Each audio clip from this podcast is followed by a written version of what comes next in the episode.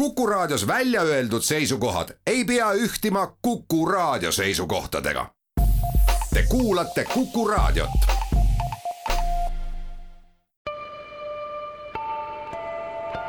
ilmaparandaja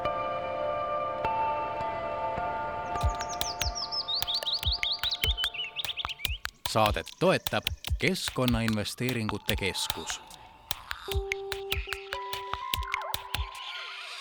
Tere kõikidele Kuku raadio kuulajatele ja kõikidele keskkonnahuvilistele. alanud on keskkonnasaade Ilmaparandaja, mina olen saatejuht Rein Pärn täna räägime keskkonnasõbralikust transpordist ja ka fossiilkütuste mõjust laiemalt.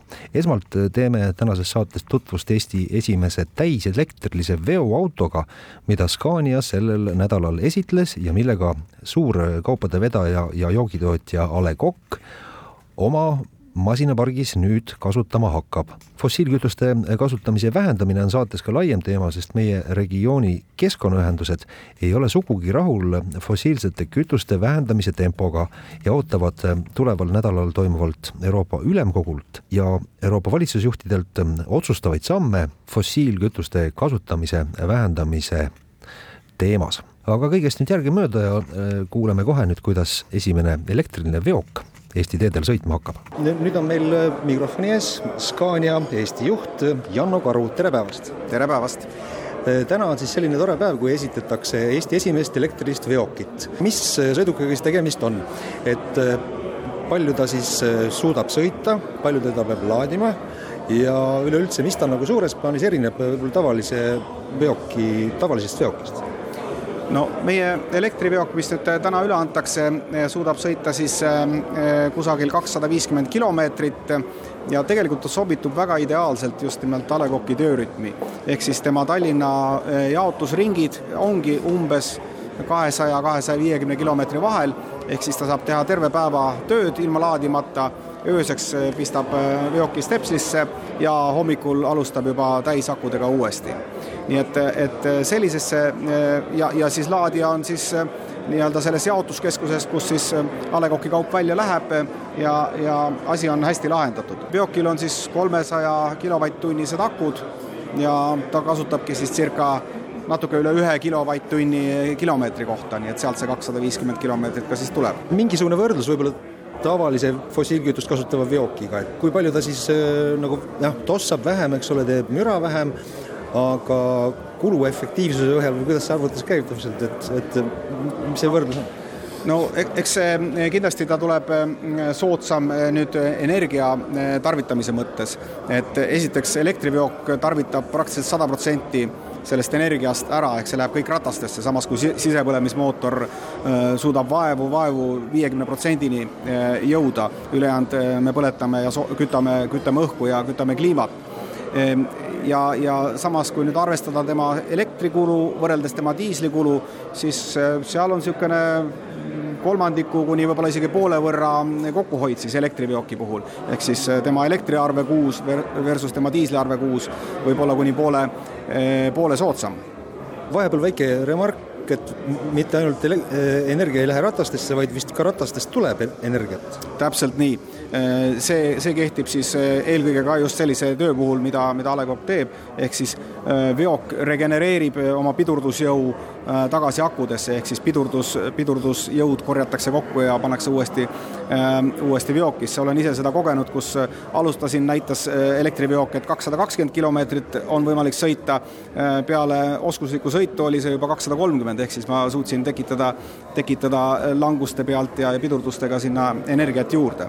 Et, et see on kindlasti elektriveoki puhul äh, oluline, oluline nüanss. Ja loomulikult täiesti emissioonivaba ja, ja, ja täiesti müravaba, see on selge, aga alati peame silmas pidama, et emissioon ei ole mitte ainult see, mis torust tuleb, vaid emissioon on ka see, mis siis selle energia loomiseks on, ehk siis kui me põletame energiaallikat, et elektrit saada, siis see auto oma täit eesmärki ei täida. täie eesmärgi keskkonna jaoks täidab ta siis, kui ta suudab ikkagi kasutada rohelist elektrit. see tähendab siis, et noh, selline pidurdamine ja selline lühikene sõit nagu tuleb nagu kasuks, ehk siis pigem on ta mõeldud ikkagi linnasõiduks no sealt, sealt lisandub see pluss jah, et ta suudab ka ise energiat juurde tekitada. pikamaavedudel, kus on pidurdamisi vähem ja ei ole ka pikki languseid, kust pealt energiat korjata, siis, siis selle võrra kulub elektrit rohkem, aga noh, selge on see, et, et tulevik Scania puhul me räägime, et aastaks kaks tuhat kolmkümmend pooled veokid on, on elektriveokid, siis, siis sinna hulka kuulub kindlasti ka kaug, kaugveokid, nii et need lahendused pidevalt arenevad, nende akude võimekus paraneb, nende akude kulu väheneb, nii et, et, et eks, eks me liigume vaikselt selles suunas. just, et mis teeb praegu selle elektriveoki no sisuliselt kaks korda kallimaks, kui on äh, fossiilkütusel sõitev veok? no eks eelkõige teeb selle kallimaks see, et tõesti need akud ise juba maksavad äh, üle, üle saja tuhande. meil on siin peaaegu kaks kuni kolm tonni akusid peal et, et akud teevad selle kalliks ja loomulikult, kuna täna on ka elektriveokite müük veel nii meil kui teistel äh, markidel suhteliselt väike, siis, siis need äh, tootearenduskulud äh, samamoodi, mis, mis hajutatakse nende autode peale, on, on suured. nii et eks siin eks siin kindlasti toimub pidev, pidev nii-öelda odavnemine nendel tehnoloogiatel mis taktis, kuupäevi ma ei julge lubada, aga kindlasti paari aasta pärast on, on võib-olla veidikene teine pilt. Ja samas, kui, kui nüüd äh, rohelist elektrit juurde tuleb, siis läheb elekter odavamaks. Ja tõenäoliselt me näeme, et, et diislihinnad äh, tõusevad kas siis riiklike maksude tõttu või, või just sedasama CO2 tõttu. nii et eks see pilt äh, läheb paremaks, aga, aga kui me ootame selle nii-öelda soodsa olu teket, siis on, siis on viis aastat läinud. Ja, ja kahjuks kliima ei oota, nii et tegutseda on vaja täna seetõttu ongi väga tänuväärne, et, et A Le Coq ka sellise sammu on astunud. just, no Eestisse jõudis elektriline veok alles no tegelikult juba mitu kuud tagasi, aga esitletakse täna, aga eh, emamaal Rootsis vist on seda kasutatud, kas mina lugesin aastast kaks tuhat kaheksateist, et milline või isegi varem, et milline sealne kogemus on või kuidas need eh, elektrilised veokid on hakanud seal tööle? Eh, jah, ütleme umbes kaks aastat on nüüd elektriveokeid aktiivselt Euroopas müüdud. Põhjamaad on olnud ühed eesrindlikumad, eelkõige siis Norra, Rootsi, Taani ja ka Soome on nüüd liitumas. ja, ja meie jaoks on see kindlasti väga huvitav kogemus, kuna just seal on sarnased klimaatilised olud meiega, ehk siis külmad talved ja, ja, ja tavalised suved et äh, siiamaani on, on ka talved elu, edukalt üle, üle elatud, selge on see, et külmades oludes äh, jällegi see läbisõit äh, lüheneb, aga, aga sellist olukorda ei tohiks tekkida, et, et autod ei saa, ei saa tööd teha. ja kindlasti Põhjamaadest on muidugi hästi positiivne see, et seal on tõesti äärmiselt suur rohelise elektri osakaal ja seetõttu on elekter ka odav, nii et, et, et, et seal juba võib tekkida lähiaastal olukord, kus ka ilma toetusteta on mõistlikum äh, sõita elektriga diisli asemel. üks huvitav asi, mis äh, selle elektriautoga loodetavasti muutub, noh, selle raske veokite maailmas on see hirmus müra. et seda on nüüd oluliselt vähem, kui see elektriline veok siia salongi tuli, ma mõtlesin, et kas keegi lükkab seda tagant, aga masin sõitis täiesti ise. et see müra vähenemise teema on ka, mida väga palju oodatakse, et kui on, oleks rohkem elektrimasinaid, oleks vähem ka ka müra, et äh, see, see on päris oluline asi. Äh, jah, see müra tegelikult äh, märkame seda või mitte, häirib meid kas segab meie und või, või, või, või muul moel koormab meie närvisüsteemi.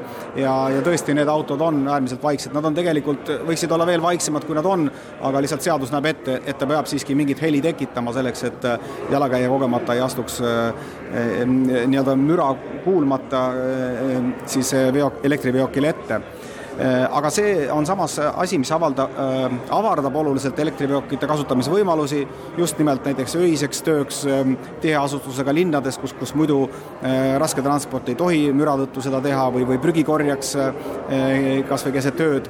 nii et, et, et see müramoment on, on äärmiselt oluline. mis te nüüd prognoosite, mis lähiaastatel hakkab Eestis, ütleme, veonduse ja logistika valdkonnas elektritranspordiga seoses muutuma suuresti, et millises tempos ja palju näiteks Scania suudaks äh, ise varustada meie meie firmasid. tehaste tootmine äh, elektriveokite osas ei ole kindlasti äh, pudelikaelaks, et kindlasti me suudame, suudame selles suhtes kogu nõudluse ära rahuldada. eelkõige on need pudelikaelad ikkagi needsamad, mis sai ennem nimetatud, kas siis infra puudumine või siis see, et nad on seda palju kallimad. Me ise näeme, et, et kindlasti see muutub, aga siin on vaja ikkagi ka väga selgelt riigi sõnumit, kus suunas need asjad muutuma peaks. sest tegelikult ega, ega selle kliima soojenemise ähm, pidurdamiseks noh, ei ole meil ju ainult elektriautod, meil on olemas ka biometaaniveokid me saame ka eh, sisepõlemismootoreid teha veelgi efektiivsemaks ja tegelikult me kõiki neid kolme asja teeme paralleelselt, sest et me ei saa oodata seda ehm, soodsat olukorda, mis tekib võib-olla viie või kümne aasta pärast, me peame juba täna panuse andma. nii et ehm, ma arvan, et Eesti riik peab siin ikkagi ka väga selgelt selle strateegia välja ütlema, kuidas Eesti oma kliimaeesmärke täidab sealt tekib kindlus ka eraettevõtjatel sellesse investeerida ja, ja, ja saamegi õiges suunas, õiges tempos minema. aitäh, Janno Karu ja edu siis elektriveokite turundamisel Eestis! aitäh teile! Tarmo Noop, A Le Coq'i juht, äh, olete teinud nüüd ühe väga huvitava sammu. esimese Eesti ettevõtjana võtate kasutusele elektrilise veoauto. et olge hea, rääkige, millest selline otsus tuli? Noh, kõigepealt alustaks sellest, et A Le Coq on kõigepealt välja andnud lubadusel järeltulevatele põlvedele muuta ka omalt poolt elu meie ümber natukene paremaks ja puhtamaks paigaks või maailm meie ümber natuke paremaks ja puhtamaks paigaks, kus, kus elada. ja kindlasti see samm on nagu aitab ka seda lubadust nagu täita, aga, aga, aga kui A Le Coq tervikuna praegust noh, meil selle lubaduse all on ka väga palju erinevaid tegevusi, mida me tänaseks päevaks oleme juba ellu viinud või ellu viimas siis, siis enamus nendest tegevustest on kõik seotud äh, tootmisega ja tootmise noh, järjest keskkonnasõbralikumaks nagu muutmisega. et selgelt me anname endale aru, et kuigi me ise nagu transpordiparki siiamaani pole omanud, siis, siis transport moodustab ka päris, päris olulise osa ka, ka A Le Coqiga seonduvatest äh, kas või süsiniku, süsiniku jalajäljest ja, ja kui me selle poole pealt midagi nagu ei tee, siis jääb meil mingi samm nagu tegemata, et, et see tegelikkuses oligi isegi nagu meie initsiatiiv. et me hakkasime nagu otsima, et kas on olemas ka võimalik nagu elektriveokit kasutamisele rasketranspordis ja, ja meie logistikadirektor lõpuks leidis selle koostöös, koostöös Scaniaga ja siin tõesti on meie puhul on ka tegemist võib-olla sellega, et, et, et me tegelikult ju autoparki ei oma ega, ega plaani ka edaspidi nagu omama hakata, aga noh, antud hetkel siiski see elektriveok on niivõrd palju noh, jämedalt kaks korda kallim võib-olla diiselveokiga võrreldes, et, et et hakata nõudma meie koostööpartneritelt taoliste autode nagu omamist oleks nagu liiga palju, sellepärast me tahamegi ise saada nagu kogemust ja oleme appi tulnud äh, meie äh, kõige suuremale äh, koostööpartnerile transpordi valdkonnas AB Transpordile, kus me siis kanname selle auto nagu kapitalikulud ja, ja, ja teeme sellega ka tegelikult siis selle auto kasutamisega õhku, õhku ja keskkonda meie ümber paremaks. olgem ausad, see ei ole väga odav, ütleme selline auto soetamine aga pikas plaanis te olete kindlasti arvutust teinud, et kas see sellise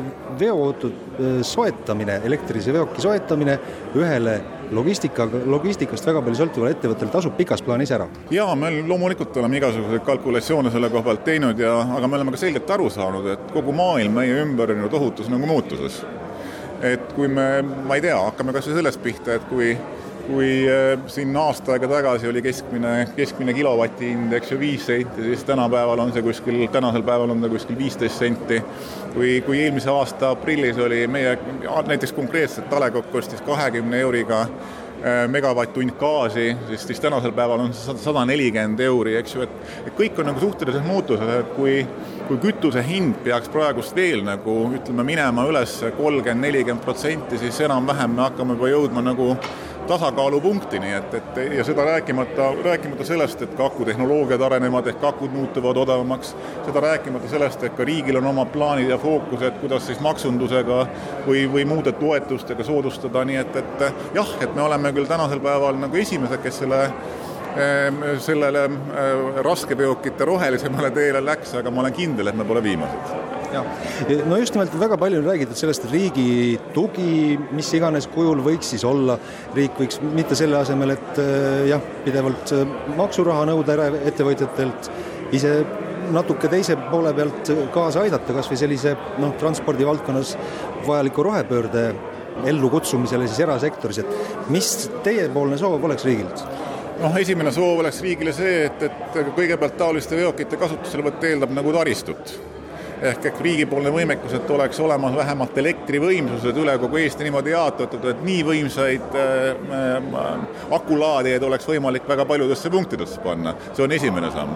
aga loomulikult, ega me, meie ettevõttena ei jää ootama tegelikult nagu mingeid riigi toetusi, küll aga me võiksime eeldada, et, et võiksid olla nagu mingid, mingid soodustused, et et noh, näiteks kas või mis ma ka täna siin välja tõin, oli see, et, et elektriveokite puhul et elektriveok võiks ka päevasel ajal eh, vanalinna sisse saada, mis, mis tegelikult on meie jaoks nagu väga oluline ja, ja kergendab meie tööd väga kõvasti. sellega saaks ka linn omalt poolt, eks ju, Tallinna linn omalt poolt tegelikult propageerida ka oma rohelise linna staatust, mida nad tegelikult ju, eh, ju väidavad noh, tei-, teine asi, et, et mis, mis meie jaoks on väga oluline, et, et elektriveokile antakse õigus sõita, võib-olla see on, aga tänasel päeval juba nii sõiduautodena, aga, aga et ka elektriveokile antakse sõita õigus näiteks ühis, ühistranspordiradadel, mis võimaldab transporti palju kiiremini ja palju efektiivsemalt punktist A punkti B äh, viia ja nii edasi ja nii edasi, nii et, et pigem nagu eeldaks nagu taolises, pigem nagu sellist soodustuste poolt pluss laadi, laadijate nagu võimekuse poolt. praegu siis ainult üks masin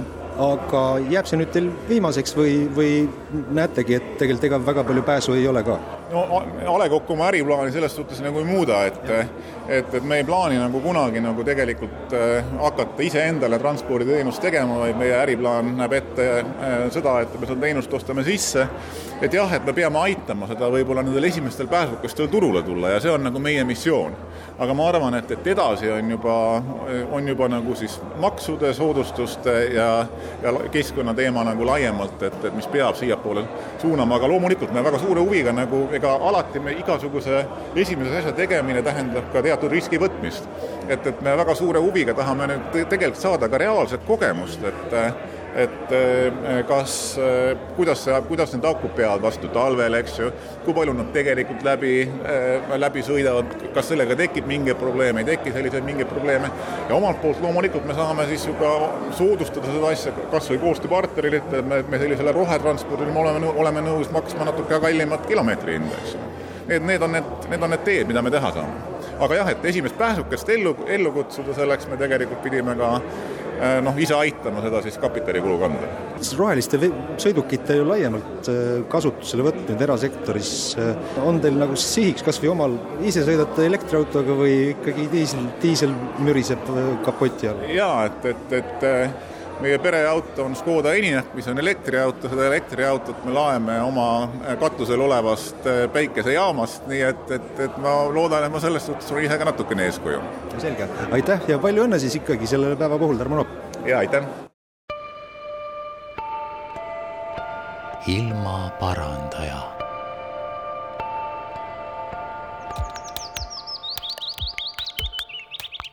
saadet toetab Keskkonnainvesteeringute Keskus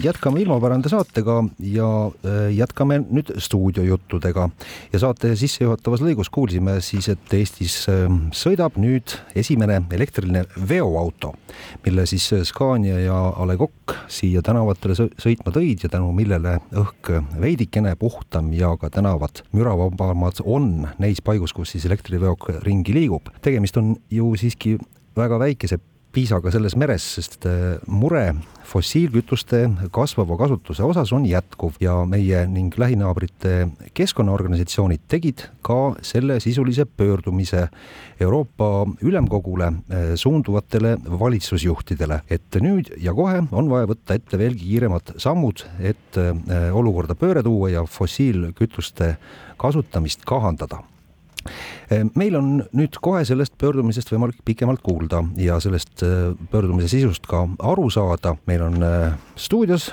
Johanna Kuld, Eesti Rohelise Liikumise gaasi huvikaitse ekspert, tere päevast! tere!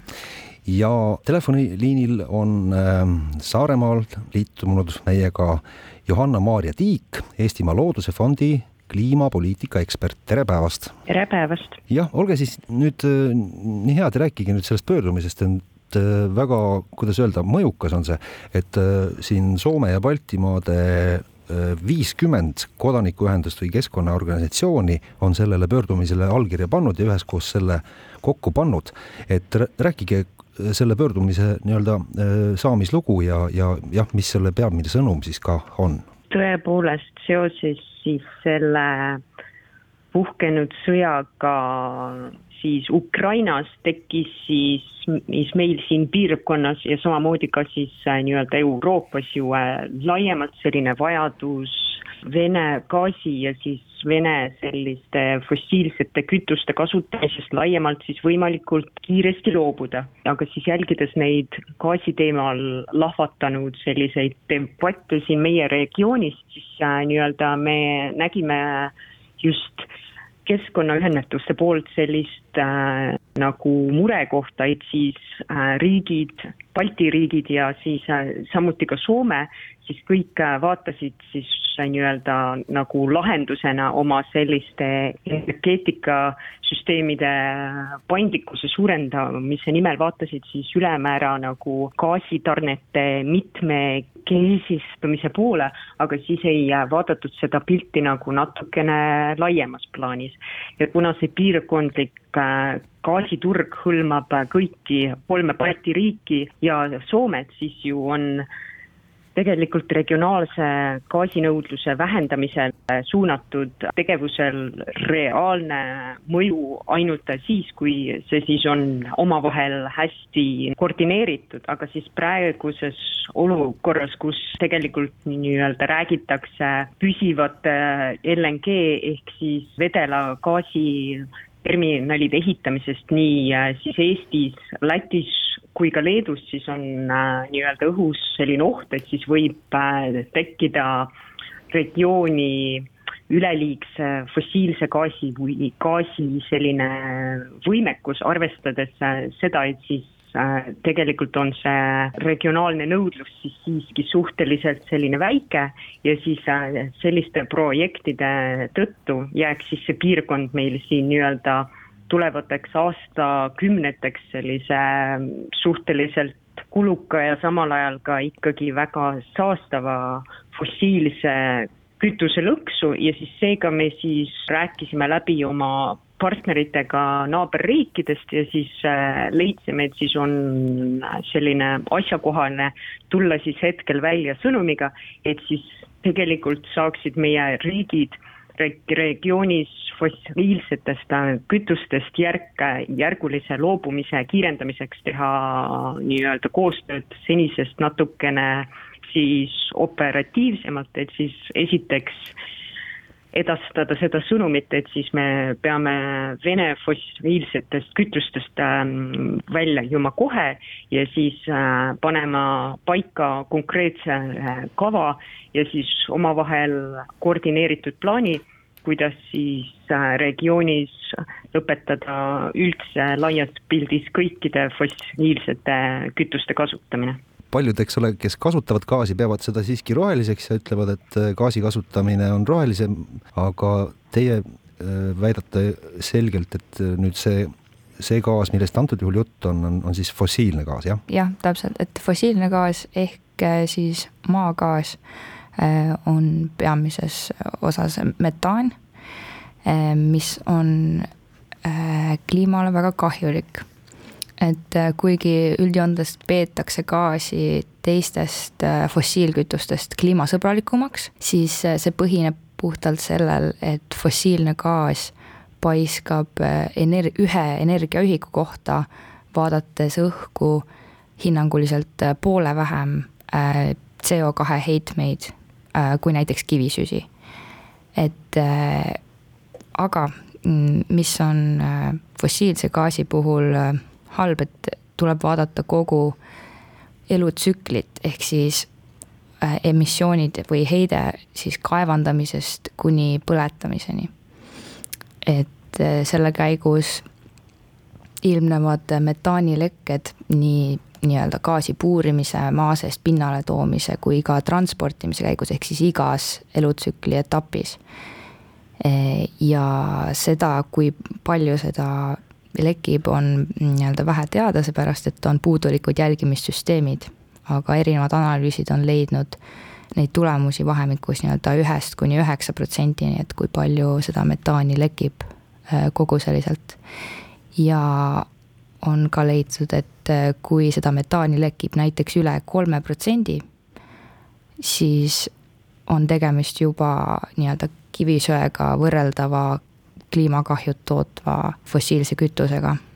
et ähm, metaan äh, soojendab meie kliimat palju intensiivsemalt kui näiteks süsihappegaas, ehk siis kahekümne aasta lõikes vaadates on metaanil mõju kaheksakümmend neli korda kõrgem süsihappegaasist nii-öelda ühe ühiku kohta. et seetõttu on metaani heitmete vähendamine väga oluline ja et see on küll selline väga levinud müüt, et et see on puhtam, aga see, see on puhtam jah, ainult põletamise hetke vaadates. Just, no mida te siis nüüd ootate sealt ülemkogult, et mida nüüd valitsusjuhid saaksid, peaksid tegema, jah, ühtepidi eh, ikkagi tarbija rahakott väga valusasti nüüd kohe siin pihta ei saaks ja siis jah, teisest pildist, et noh, pikas plaanis, et milline see hea olukord võiks siis selle, ma saan aru, jah, gaasist räägime nüüd eelkõige olla regioonis. Et siis ütleme, et ülemkogul on tõepoolest üheks selliseks äh, teemaks hetkel välja käidud energeetika ja siis sinna kõrvale muidugi siis otse loomulikult plaanitakse rääkida ka nii-öelda Ukrainast ja sellest, milliseid samme on siis Euroopa Liidu ähm, liikmesriikidel ähm,, keda siis äh, riigijuhid sinna nagu esindama lähevad, milliseid samme neil siis on võimalik veel äh, siis Ukraina toetamiseks teha, siis üks selline kuum teema, mis seal ilmselt siis ka arutluse alla tuleb, siis on embargo kehtestamine Vene naftale ja seda siis oleme ka meie oma selles piirkondlikus kirjas toonud välja, et siis meie piirkonna riigid peavad endiselt jätkuvalt ja jõuliselt seisma siis Euroopa Liidu tasandil selle eest, et äh, Vene fossiilkütuste äh, import peatatakse kohe, aga siis teine väga suur teema, mida siis eelduslikult ülemkogu ette võtab, on eelmisel nädalal Euroopa Komisjoni poolt tutvustatud äh, Repower EU selline kava. Ja siis Repower EU koosneb väga suurest hulgast erinevatest strateegiatest, algatustest, äh, mis peaksid siis aitama Euroopa Liidul saavutada energeetilist sõltuvust äh, Venemaast ja siis just nii-öelda kõige suurema rõhuga, et siis väljuda Vene gaasi kasutamisest ja siis äh, Repower EU kavas on äh, tegelikult sees äh,, sisaldub väga mitmeid selliseid positiivseid asju, mis aitavad nii Ukrainat kui ka siis aitavad tegelikult kaasa ka rohepöörde eesmärkide täitmisele, aga siis samas on seal plaanis sees ka ikkagi mõningaid selliseid samme, mis on äh, natukene lühinägelikud ja pikas plaanis rohepöörde eesmärkidele kaasa ei aita.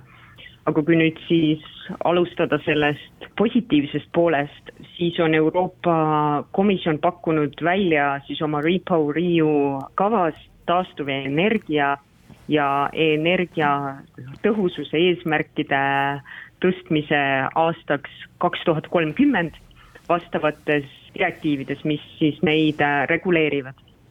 selle realiseerumiseks on aga vaja, et siis äh, liikmesriigid seda mõtet Euroopa äh, tasandi läbirääki-, rääkimistel toetaksid ja siis selle sõnumiga võiksid siiski kõik meie piirkonna riigid sinna Euroopasse minna aga kui rääkida nüüd äh, natukene sellest negatiivsemast poolest, siis hetkel on äh, Repower EU rahastamiseks Euroopa Komisjon näinud äh, siis ette selliseid erinevaid vahendeid. Ja siis üks nendest vahenditest oleks siis seotud Euroopa Liidu niinimetatud süsiniku turuga ehk siis heitmetega kauplemise süsteemiga, mis on siis sageli tuntud ka lühendiga ETS. ja siis Euroopa Komisjon käis välja mõtte võtta kuskil kahekümne miljardi euro väärtuses süsinikukvoote niinimetatud reservist välja ja hakata neid siis äh, uuesti müüma. ja see plaan on kohe erakordselt, erakordselt halb päris mitmel põhjusel, et siis nagu esiteks see käib täiesti fundamentaalselt vastu Euroopa Liidu äh, kliimapoliitika laiemale loogikale ja siis eriti just selle süsiniku turu, mis on ju nii-öelda olnud siin Euroopa Liidu kliimapoliitikas selline nurgakivi juba aastaid ja aastaid et see loogika siis ütleb, et see kvootide arv seal süsteemis ajas siis äh, nagu väheneb. ja siis nii-öelda teiseks see plaan tekitab äh, süsinikuturul sellist ebakindlust ja hakkab siis äh, natukene mängima kvoodi hindadega ja siis seega praegu äh, olukorras, kus energiahinnad on niigi suhteliselt kõrged ja volatiilsed, siis ütleme, et selle kvoodi hindadega niimoodi mängimine on nagu äärmiselt vastutustundetu samm ja seega siis on oluline, et siis äh, liikmesriigid, meie poolt siis Eestist läheb sinna Euroopa Ülemkogu kohtumisele peaminister Kaja Kallas, siis on tähtis, et liikmesriigid seisaks sellele plaanile hästi selgelt vastu ja pakuks siis välja nii-öelda siis omapoolseid alternatiive sellest, kuidas siis on võimalik äh, seda Vene gaasist väljumise pla-, plaani rahastada mingil alternatiivsel moel. et äh, üks teema veel, millele juhite siin tähelepanu selles pöördumises, on see, et äh, taastuvenergia haldusmenetlus on liialt äh, ka siis jah, kohmakas või pikk või, või keerukas, et äh, mida täpsemalt siin silmas peate ja, ja mi, mida siin muuta oleks tarvis, et asjad kiiremini äh, sujuksid?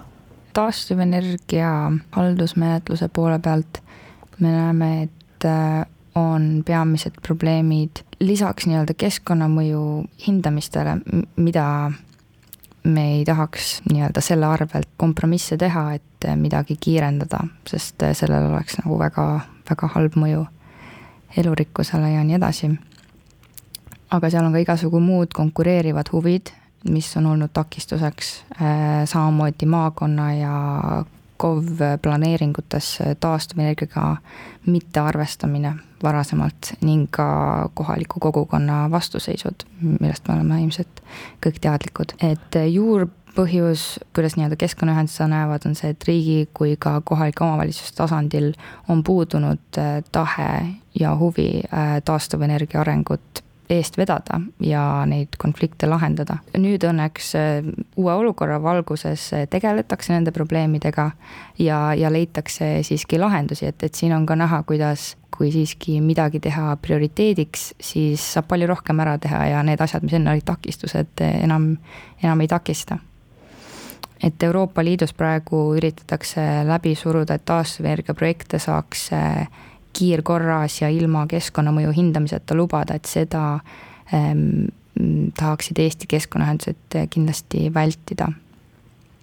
et äh, asi alati ei ole mitte liiga keerulistes äh, nõuetes, vaid äh, tahtmatuses äh, protsesse kiirendada nii riigi kui, kui ka ettevõtjate poolt. ahah, aga kuidas siis nüüd see, see asi kiiremini võiks siis, võiks siis olla ilma siis nii-öelda pikkade kohtumenetlusteta, et ma saan aru, kohus on meil pandud nüüd sel-, selleks organisatsiooniks, kes siis, kes siis arendab meil äh, näiteks meretuuleparke ja üldse tuulikuid ja, ja päikeseparki ja nii edasi. see vist ei peaks niimoodi olema? kindlasti see siis ei peaks olema nii siis tegelikult äh, Johanna tõi juba välja selle, et siis nii-öelda paljude selliste probleemidega, mis on siis olnud siin aastaid ja siis aastaid tegelikult nüüd on viimastel aastatel või siis nagu viimastel kuudel hakatud siis nii-öelda intensiivselt tegelema, et siis nii-öelda ütleme, et siis kohaliku elanikkonna parema kaasamise nimel ja ka, ka siis äh, selleks, et siis võib-olla kohalikud omavalitsused näeksid siis sellel enda omavalitsuse pinnalt taastuvenergia arendamises sellist plussi või siis sellist nagu olulisust, siis on hetkel näiteks äh, suhteliselt lõppjärgus väljatöötamisel niinimetatud kohaliku kasu mudel ehk siis äh, nii-öelda tuulikute selline nagu taluvustasu, kus siis äh, sisuliselt nii-öelda kohalik omavalitsus saaks siis äh, sellist konkreetset rahalist boonust äh, selle eest, kui nad siis enda nii-öelda KOV-i tasandile tuule, tuuleparke planeerida nagu lasevad.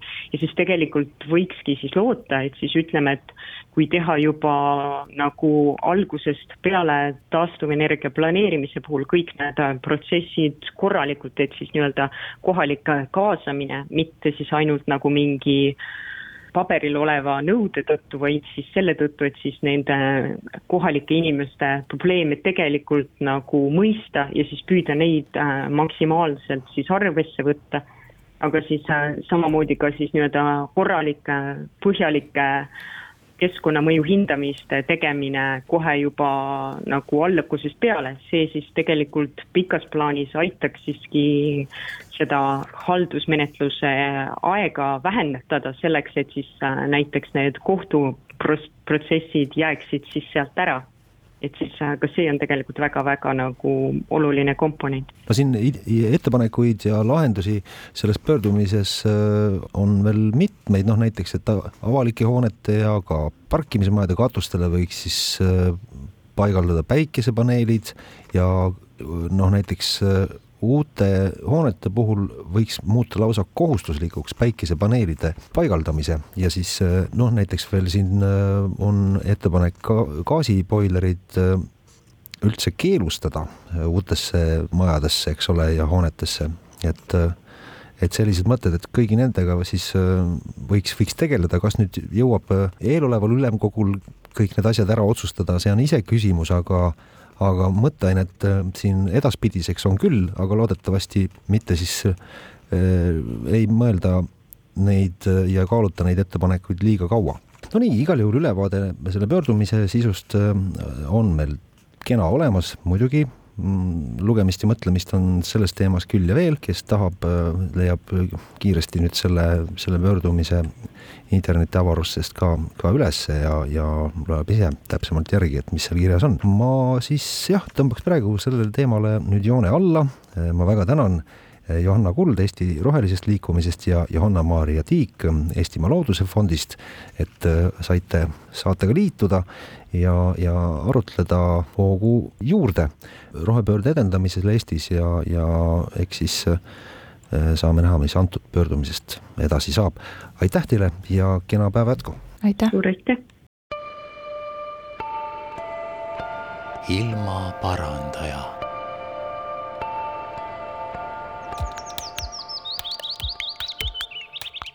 saadet toetab Keskkonnainvesteeringute Keskus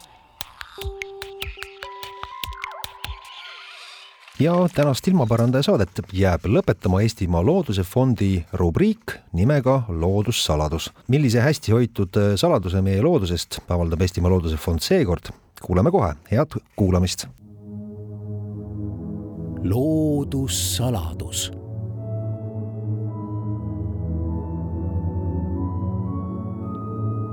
Eestimaa Looduse Fondi inimesed räägivad loodusest ja looduskaitsest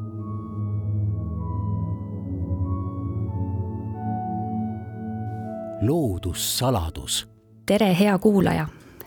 minu nimi on Piret Pungaskohv ja ma töötan Eestimaa Looduse Fondis. ma olen seal seotud eelkõige soode ja nende taastamisega ja eelkõige keskkonnateadlikkuse vaatenurgast. see tähendab siis erinevaid õppematerjale, õppevahendeid, kultuuripärandit, inimeste suhtumist ja loomulikult soid. ja mul on hästi suur rõõm, et ma saan mõned saladuste ja sooga seotud mõtted sel looduskaitsekuul teile välja pakkuda. kui nüüd korraks mõelda, mida see saladuse sõna tähendab, siis vaatasin etümoloogia sõnastikku. see ütleb, et sõna tüvi sala pärineb uurali keeltest, kuhu teatavasti kuulub ka eesti keel. aga näiteks mõned meie sugulaskeelte kõnelejad, noh, moksad või ersad, nemad kasutavad hoopis sellist sõna nagu salava ja see sõna võetakse appi siis, kui miskit peaks tegema vaikselt, lisaks salaja tehtavale. ja kui me nüüd tuleme tagasi soode juurde siin Eestis, siis eks ka sohu lähevad inimesed sageli otsima just vaikust ja nagu võib arvatagi, on soos toimunud mõndagi salajast ja salapärast. küll erinevate vaimuolendite või loodusnähtuste või ka inimeste tegemiste näol. Aga üks äh, soodega seotud avalik saladus on ehk see, et soid on Eestis väga palju kuivendatud. no aga miks siis avalik saladus? no ühelt poolt on väga paljud meist jätnud ilmselt kunagistest kooliõpikutest meelde selle fakti, et ligi veerand Eesti pindalast on kaetud soodega. tegelikult on tänaseks Eestis soid alles vaid seitse kuni üheksa protsenti Eesti pindalast. ülejäänud kunagised sood on kuivendatud ja need on muutunud näiteks kas kõdusuu metsaks või on saanud neist inimeste tõttu hoopis põllumaa või lausa asula. eks sõltub, kui intensiivselt ja kuidas inimene on siin sooaladel toimetanud. igapäevaselt ringi liikudes me seda soode vähenemist aga tajuda ei pruugigi, sest keeruline on maastikul praegu kunagist sood ära tunda. Ma kahtlustan, et tegelikult me ei tunneta, et oleksime justkui millestki ilma jäänud või jäämas. jäämas sõna kasutan ma sellepärast, et kuivendustöö käib tegelikult endiselt kaunikesti vilkalt edasi. seetõttu ma siin mõtlesingi, et soode vähenemine on justkui kurvavõitu avalik saladus. ma määratlen paljutki teadmatut või teadvustamatut üldsegi saladuseks ja kui ma siit soost nüüd geograafina ettevaatlikult põikan ökosemiotikute koju, siis arvan, et tegelikult meie ümbrus ja loomulikult sealhulgas ka soo on täis märke ja märgisüsteeme. seda nii inimeste, aga kõikvõimalike putukate, mutukate, selgrootute ja selgroogsete ja ka laiemalt võttes erinevate koosluste seas. üks äh, balti-saksa päritolu bioloog ja semiootik Jakob von Üksküll kasutas hästi vahvat mõistet nagu oma ilm, umwelt saksa keeles. ja see oma ilm võiks tähendada ehk mõne organismi, tema enda maailmataju, mille abil ta just temale omaste meelte ja tegevuste kaudu suhestub ümbritseva keskkonnaga. meie jaoks ei pruugi paljude teiste liikide oma ilmad omada erilist tähendust. ja no kuulge, olgem ausad, vahel on keeruline omaenda lähedaste inimestegi oma ilmasid mõista, saati rääkida siis teiste liikide esindajatest. aga samas on meil nende tundmatute oma ilmade näol üüratu kogus saladusi, mida avastada. vähemalt imetillukese osa nende saladustele jälile saamiseks on ilmselt üks hea abimees hoolikalt kuulata, vaadata, jälgida. Sest mida rohkem oleme vaadanud ja märganud, seda parem on teiste oma ilmasid mõista. näiteks kui keegi minu lähedastest koju juhtub tulema, saan vahel ukselingi alla vajutamisest tekkivast helist aru, kes see tulija on aga samas meenub mulle hetk soos, kus kaks ornitoloogi vaidlesid, kas kõrgel taevas on kalju või merikotkas lendamas. pean tunnistama, et mina markeerisin vaid musta liikuvat täppi. Nii et alati on arenguruumi meie ümbruse saladustele paremini jälile saamiseks. ja siin, ma arvan, aitab väga hästi omavaheline suhtlus, kuidas neid oma ilmasid siis harutada või, või mõista. jällegi näide, et küllap oleme ju kõik viibinud mõnel sünnipäeval või üritusel, kus uus tuttav juhtub parasjagu toast lahkuma ja siis keegi sosistades küsib, kuule, kes ta on või, või mis ta nimi on. Ja eks sama lugu peaks ja võiks olla ka lindude ja loomadega või kooslustega. et kui näeme kedagi tundmatut, siis püüame teada saada, kes ta on. ja abiks ongi siin suhtlus näiteks enda liigikaaslastega või muutub justkui tõlgiks näiteks äh, nutiseade. no vähemalt mõne nime andmisel. on selleks siis linnulaulu äpp, Siuts näiteks või Flora Incognito või Google Lens taimede määrajana. ja nõnda teamegi jälle mõnest saladuse sisust rohkem. aga vahel võib olla saladus saladuse sees. mida see siis veel tähendab?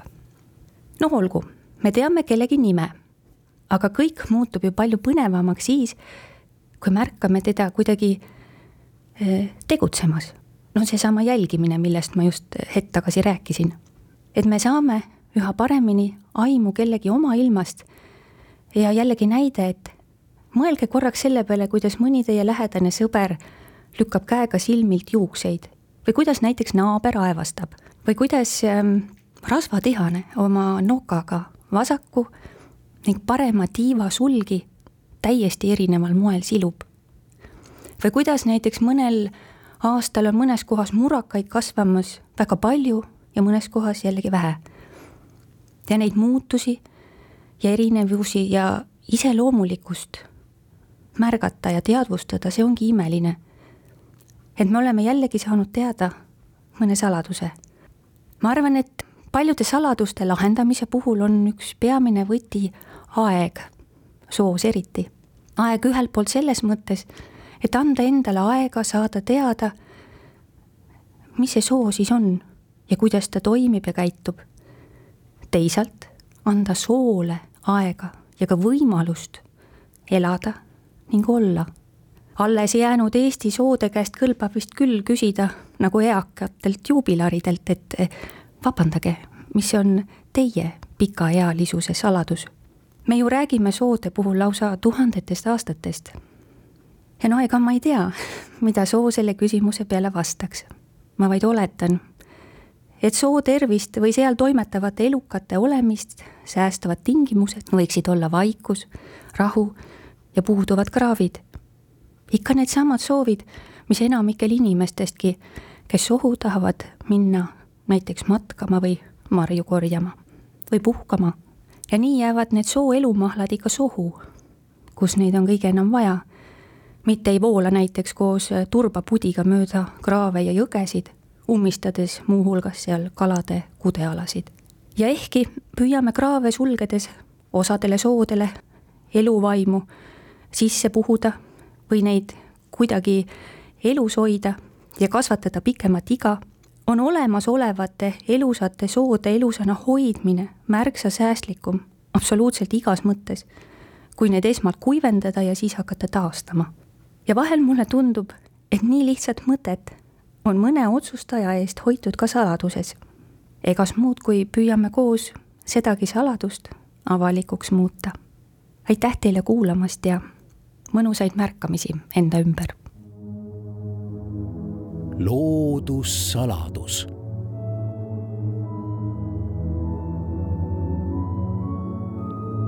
Eestimaa Looduse Fondi inimesed räägivad loodusest ja looduskaitsest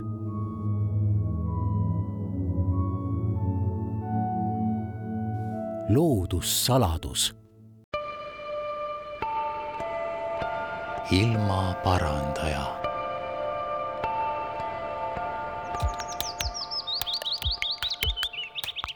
saadet toetab Keskkonnainvesteeringute Keskus